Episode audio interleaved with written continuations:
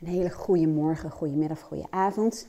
Ik krijg regelmatig de vraag van mensen: hoe kan ik op een goede manier omgaan met mensen zoals ouders, eh, kinderen, partners, vrienden, vriendinnen, collega's, noem het allemaal op, die een beroep doen op je, wat heel veel energie kost.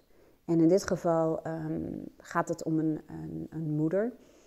En deze klant, een vrouw, die, ehm, die heeft niet bij mij hoor, die heeft wat familieopstellingen gedaan. En uh, daar kwam ze ook achter dat volgens de familie, uh, volgens het familiesysteem, zeg maar, volgens die methodieken, dat haar moeder als het ware op de verkeerde plek stond. Dat wil zeggen, hè, soms is een jeugd zodanig dat een kind eigenlijk meer de oude rol op zich gaat nemen. En dat merk je vaak in het volwassen leven nog. Uh, ik ben overigens geen familieopsteller, uh, dat even terzijde. Ik doe dit soort vraagstukken vaak wel, maar dan met behulp van voice dialogue. Maar, um, dus uh, om het zo even te zeggen, de moeder staat nu op de goede plek. Dat wil zeggen, jij bent het kind van je moeder. En um, het klinkt gek, maar ik weet ook met familieopstellingen dat dat onbewust echt um, best wel wat kan doen. En deze vrouw merkt dat ook in het contact. Dat als haar moeder belt en, en huilend bijvoorbeeld, en uh, nou, die zitten ergens mee, dat um, in tegenstelling tot vroeger, dat het, ja, de emoties veel vlakker zijn. En, en, dat er veel minder heftige emoties bij zijn. En daaruit vloeide eigenlijk weer een, een, een vraagstuk van ja, hoe kan ik er dan toch zijn voor mijn moeder, zonder dat het me energie kost, maar um, ja, toch wel als het ware in verbinding. want als je echt je emoties dan niet meer voelt of um, ja, er weinig bij voelt, kan het ook gewoon zijn dat er een beschermingsmechanisme uh, tussen staat, zullen we maar zeggen. En dat kan ook gewoon niet goed voelen. Nou, in mijn um, praktijk geef ik regelmatig communicatietrainingen, uh, communicatieskills. En een van de onderdelen daarvan is om mensen te leren om uit de reddersrol te gaan. Ik weet niet wie de reddersdriehoek kent. Nou, je zult hem wel aanvoelen komen, maar dat is een driehoek. En op de rechterzijde van de driehoek, op het puntje, staat redder. En op de linkerzijde van de driehoek staat slachtoffer. En bovenaan het andere puntje van eh, de driehoek staat aanklager. En dit is een patroon. Een patroon tussen mensen. En een redder is niet per se iemand die uh, altijd maar voor iedereen zorgt. Ja, dat is ook een redder. Maar een redder kan ook wel iemand zijn die continu met allerlei oplossingen en adviezen aankomt. Dat is ook al redden. Redden is als het ware het um, overnemen. Hè? En, en, wat voor drijfveren daar aan de grondslag uh, liggen, die laat ik nu even achterwege. Um, vaak goede intenties of ongeduld of whatever. Maar het staat ook vaak in de weg om echt naar iemand te luisteren. Maar daar gaat het nu niet over. Um, ik leer ze om vanuit de reddersrol naar de mentorrol te gaan. Daar ga ik het zo meteen over hebben. Maar ik zal nog even de slachtoffer en de aanklagers um, die termen eventjes toelichten. Redder heb ik heel kort geschetst, daar kan ik nog wel uitgebreid het over hebben, maar dat doe ik nu maar even niet. Um, een slachtoffer staat aan de andere kant van de driehoek. Dat is het patroon dat er vaak ontstaat. Als er een redder is, is er ook vaak een slachtoffer. En dat klinkt heel extreem, hè? Dat hoeft niet altijd zo te zijn, het kan ook subtiel zijn.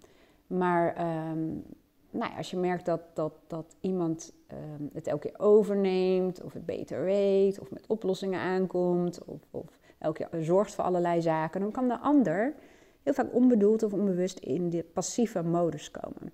Je ziet dat in oude kindrelaties, in liefdesrelaties, in uh, leidinggevende um, rollen versus het team zie je dat ook ongelooflijk vaak. Um, ja, ouders, kinderen, maar ook andersom. Dus je, ja, je ziet dat in heel veel uh, relaties gebeuren. Dus de ander wordt als het ware wat passief. En dat passieve kan zelfs doorslaan naar um, gemakzuchtig of uh, echt het slachtoffer. Dat hij continu beroep doet en gered moet worden als het ware.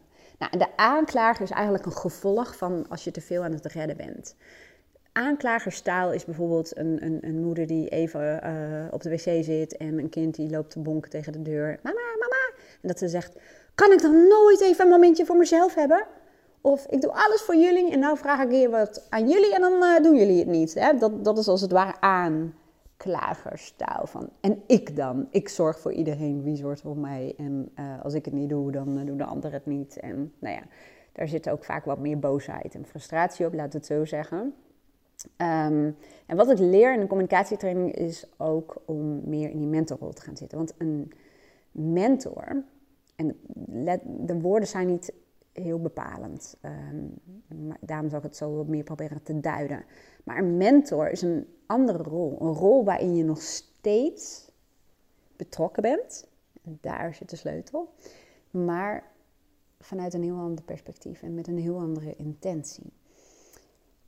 Ik um, probeer even ja, een voorbeeldje bijvoorbeeld ten aanzien van ouders en kinderen. Uh, wat ik heel vaak hoor is dat bijvoorbeeld um, een kind dan zegt van... Mam, ik verveel me. En dat de moeder dan allerlei uh, dingen op gaat noemen. Je kunt dit doen en dat doen, je kunt dat doen. En dat is ook redden. Klinkt misschien een beetje, maar dat is ook redden. En als je in een mentorrol gaat stappen, zeg je niet van boeit me niet, zoek het maar uit. Maar dan ga je meer zeggen: Oké, nou vorige week verveelde jij je ook. Wat heb je toen gedaan? Of hoe heb je dat toen opgelost? Dus heel veel mensen zeggen ook van dat ze iemand niet willen loslaten. Je wil je kinderen niet loslaten, je wil je moeder niet loslaten. Maar je wil op een andere manier betrokken zijn. Op een manier die jou veel minder energie kost. En die zorgt dat het patroon anders wordt. En uh, je hebt dan de mentor, ik ga er zo meteen verder hoor. En dan de leerling. Dat, dat die termen zijn misschien niet heel erg lekker, omdat dat ook weer voelt als ondergeschikt, maar dat is het helemaal niet. Maar een leerling suggereert vooral dat iemand um, dat een beroep doet op zijn eigen oplossingsgerichte vermogen en dat er groei zit. In leidinggevende functies zie ik dat. Ik eh, coach ook veel leidinggevenden en dan zie ik ook vaak dat um, door meer in een mentorrol te gaan uh, zitten, dat medewerkers ook gaan groeien. En dat ze zelf redzamer worden. En uh, dat een leidinggevende ook veel meer investeert om erachter te komen waar gaat het eigenlijk over. En veel meer naar patronen kijkt. Want het is al de derde keer dat iemand bij mij komt met dit en dat. Of dat ik signaleer dat, um, dat die um, uh, samenwerkingen elke keer niet goed gaan. Ik noem maar wat. Dus ik kijk meer naar de patronen en die onderzoekt wat is daar gaande. Hoe kan ik als een mentor iemand helpen om uh, verder te komen.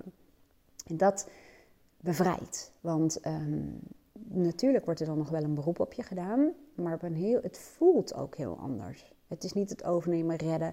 Want ook bij redders zie je vaak dat er continu een beroep op wordt gedaan. En vaak ook op momenten dat het eigenlijk helemaal niet uitkomt. Ook het bellen van die huilende moeder, het komt vaak helemaal niet uit. Het stoort. En hoe meer je in die mentorrol gaat uh, zitten, hoe meer je ook dichter bij je eigen behoeften komt. En wat bedoel ik daarmee? Um, een mentor is ook meer, ik noem het even heel vaag hoor, maar in verbinding met zichzelf. Een redder, ik, ik, laat dat, ik ga altijd staan van mijn stoel en dan in, in mijn praktijk en dan zeg ik, kijk, ik sta nu op deze plek. Dit is de verbinding met mezelf. Hier ben ik verbonden met mezelf. En wat doen we vaak als pleaser of redder? Om verbinding te maken met de ander, stappen we weg van onze plek om naar de ander toe te gaan. Dan ben je dus niet meer verbonden met jezelf. Dit kost gewoon energie. Het voelt vaak niet goed. En de kunst is om op je eigen plek te blijven staan, om in verbinding te zijn met jezelf. En vanuit daar lever je een bijdrage of maak je connectie met de ander. Dit klinkt allemaal misschien wellicht vaag, maar um, je zult het vast wel in de praktijk herkennen wat het verschil is. Um, ten aanzien van die moeder. Kijk, ten eerste is het al zoiets. Um, als redder ga je vaak meteen in de reddershouding. Het komt wel niet uit, en, maar goed, uh, hè, uh, je helpt toch maar even. Je voelt een bepaalde urgentie. Nou, een mentor zou meer nagaan van waar, waar gaat het over? Is het een crisissituatie of niet? Hè, komt dit me nu uit of niet? En die zou bijvoorbeeld zeggen, mam, ik uh, bel je even over een kwartiertje terug.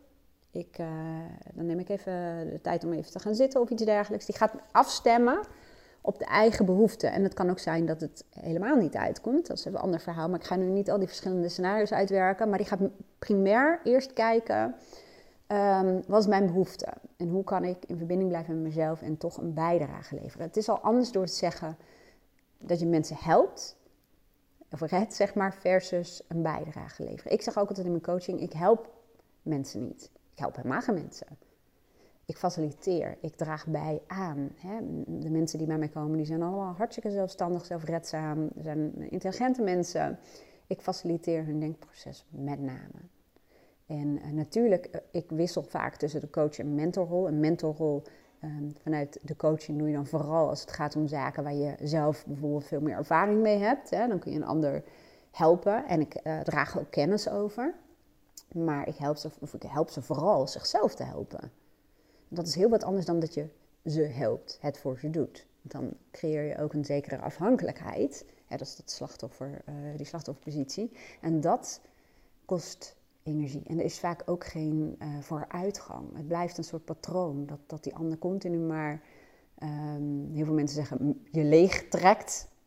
Maar ja, diegene doet er zelf niks aan. Dat, dat is ook iets wat, uh, wat veel mensen zeggen. Nou, een mentorrol, uh, als we even bij, bij die moeder blijven. Kijk, nogmaals, ik zou, je wil je moeder niet loslaten. Je wil je kinderen niet loslaten. Je wilt je, jezelf wat meer ruimte geven. Je wilt jezelf bevrijden van het redden. En je wilt de ander de ruimte geven om met eigen oplossingen bezig te zijn. En grappig is dat ik vorige week ook iemand had met een moederkwestie. Waarvan haar man een tijd geleden overleden was, dus haar vader. En, um, en die zat heel erg in de klagerschool en, en klagen over dingen. En, um, en dat is, uh, daar reageerde zij ook eerder meer op vanuit een redderschool. En nu uh, kon ze bijvoorbeeld meer zeggen vanuit een mentorrol: Mama, ik snap dat je dat heel erg vervelend vindt. En ja, ik kan me voorstellen dat het moeilijk voor je is. En dan ben je toch betrokken, maar jij hoeft het niet op te lossen. In dit geval ging het over een, een, een tante, zeg maar, die um, um, niet deed wat ze wilde, of nou ja, noem het allemaal maar op. En uh, eerder zou ze hebben gezegd: Ja, kun je dan niet dit doen of dat doen? Of heb je dat al niet geprobeerd? En ze werd steeds gefrustreerder dat die uh, moeder ook niet um, actie ondernam. Klagen is ook functioneel, heeft een verborgen voordeel, zoals dat mooi zeggen.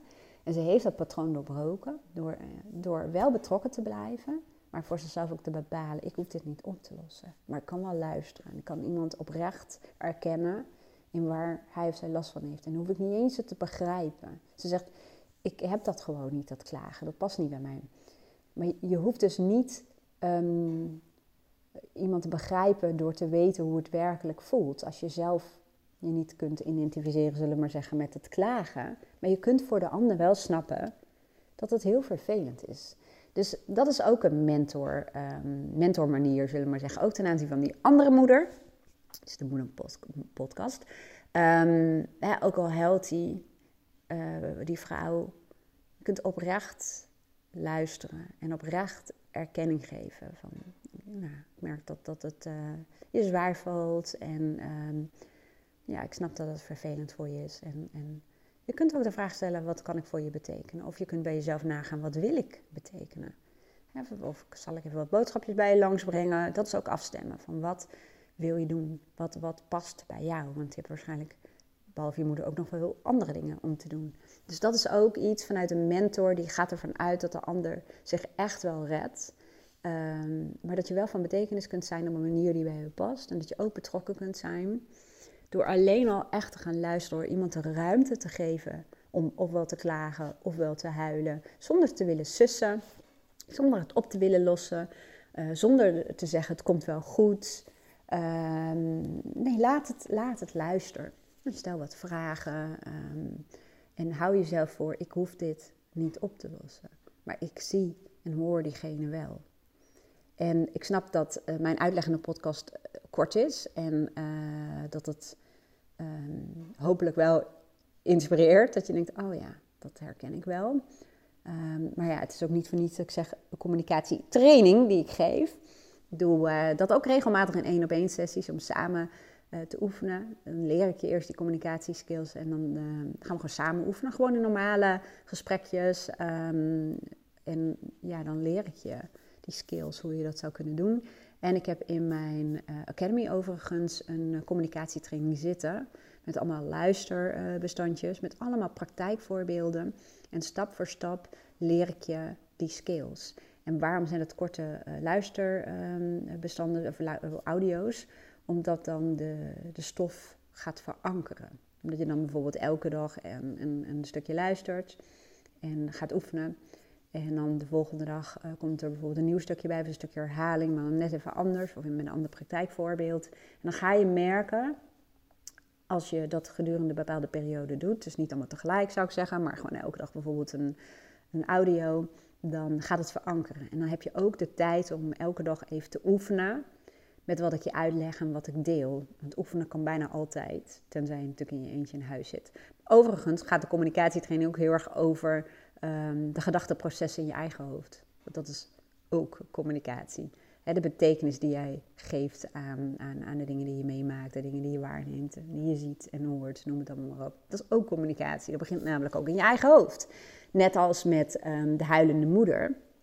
We geven daar vaak betekenis aan. Ehm, ook vanuit een deel van onszelf. Hè? Dat de, de, de redder die moet het oplossen. Of uh, een kant die wanhoop voelt van dit is alweer. Hè? Moet ik hier nou mee? Uh, ik, noem, uh, ik noem maar wat. Of juist vanuit een beschermingsmechanisme die helemaal niks meer voelt. Dat kan ook. Of waar irritatie op zit. Noem het maar op. Maar even terug naar um, nou ja, de vraag eigenlijk van deze klant. Is kort samengevat, uh, ik heb al een verandering doorgemaakt als het gaat om mijn rol ten aanzien van mijn moeder. En uh, wat mijn verlangen is om, als zij een beroep op mij doet, waar ik eerder aan het redden was, om toch betrokken te zijn op een manier die goed voelt voor mij. Nou, ik hoop dat ik dat een beetje goed heb kunnen uitleggen, maar dan uh, gaat het erom dat je meer in de mentorrol gaat stappen. En een mentor heeft per definitie als grondhouding, zullen we maar zeggen, vertrouwen in de ander. Dat die het op haar of zijn manier wel oplost. En dat jij eventueel daarvan betekenis kunt zijn, of een rol in kunt spelen, of een bijdrage kunt leveren. Maar wel eentje die bij jou past. En die ook bij je energieniveau past. En die in je agenda past. En uh, die het niet hoeft op te lossen. Ook door dat tegen jezelf te zeggen, ik hoef dit niet op te lossen. Op te lossen. Ik kan al heel erg veel betekenen door te luisteren en door te erkennen. Want dat merk je ook, want dat was dan weer bij die andere klant, die zei ook van um, dat door het klagen, zeg maar, de klager van die moeder, de innerlijke klager, door die gewoon de ruimte te geven, die gewoon even te laten gaan, zul je merken dat heel vaak iemand al zelf zegt, ja, ach, nou ja, even genoeg nu, ja, komt vast wel goed, uh, laten we het nu even daarover hebben. Heel vaak zie je dat als, die, als je die klager even de ruimte geeft, als je dat er gewoon even laat zijn en het erkent van ik snap, ik snap dat dat vervelend voor je is, dan uh, zie je vaak een soort kentering bij de persoon zelf. En wat je normaal namelijk vaak ziet, is dat als iemand een innerlijke klager heeft en, en een andere persoon heeft het helemaal niet, die komt dan een beetje in, in zijn redder- en oplossingsgerichte kant. En die gaat bijvoorbeeld allemaal dingen zeggen als dat komt wel goed en uh, ja, maar er zijn toch nog wel mooie dingen. Nee, want dat gaat ook al niet goed. Ja, maar je kunt toch wel. Nee, nee, want dat gaat ook al niet goed. Dan krijg je een soort van wel eens nietes. Um, waarbij de oplossingsgerichte persoon, zullen we maar zeggen, die gaat heel erg zitten op de voordelen die er mogelijk kunnen zijn, of de positieve dingen die er mogelijk kunnen zijn. Maar een klager is van de afdeling klagen. Je hebt het niet tegen iemands bewustzijn, je hebt het op dat moment tegen iemands klager. En een klager doet wat hij kan, klagen. Dus hoe meer jij komt met positieve dingen of de voordelen van iets, hoe meer die klager in zal zetten op alle mogelijke nadelen en de kosten van de situatie. Dus dat is het hele innerlijke spel van verschillende kanten die aan het woord zijn en uh, de kanten van de andere persoon die daarmee verbonden zijn. Bindingspatronen noemen ze dat ook wel. Um, nou, ik hoop dat je een beetje inspiratie eruit hebt kunnen halen. Um, waar je heel veel aan kan hebben, echt zonder meer. Dat is echt een van mijn topproducten is die communicatietraining.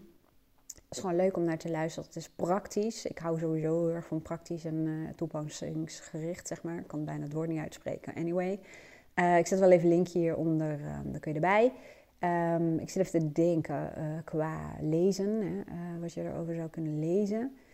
Um, geweldloze communicatie is bijvoorbeeld een hele goede. Um, ja, ik heb een reeks aan, aan, aan handige boeken hierover op mijn uh, website staan op wendyborst.nl slash boekenlijst. Dus daar kun je een beetje tussen kijken. Um, en je kunt uh, googlen op de reddersdriehoek als je daar meer over wil weten. En dat stuk zit overigens ook in mijn communicatietraining. Nou, ik hoop dat ik je een beetje geholpen heb. Als dat zo is, dan nou, um, neem even de, de tijd. Dat zou ik heel erg waarderen als je dat doet om op Spotify of Apple Podcast um, te waarderen. Tenminste, mij niet, maar mijn podcast. En uh, nou, dat was het eigenlijk wel. Ik hoop dat je een hele mooie dag hebt. Dankjewel voor het luisteren en heel graag tot de volgende keer.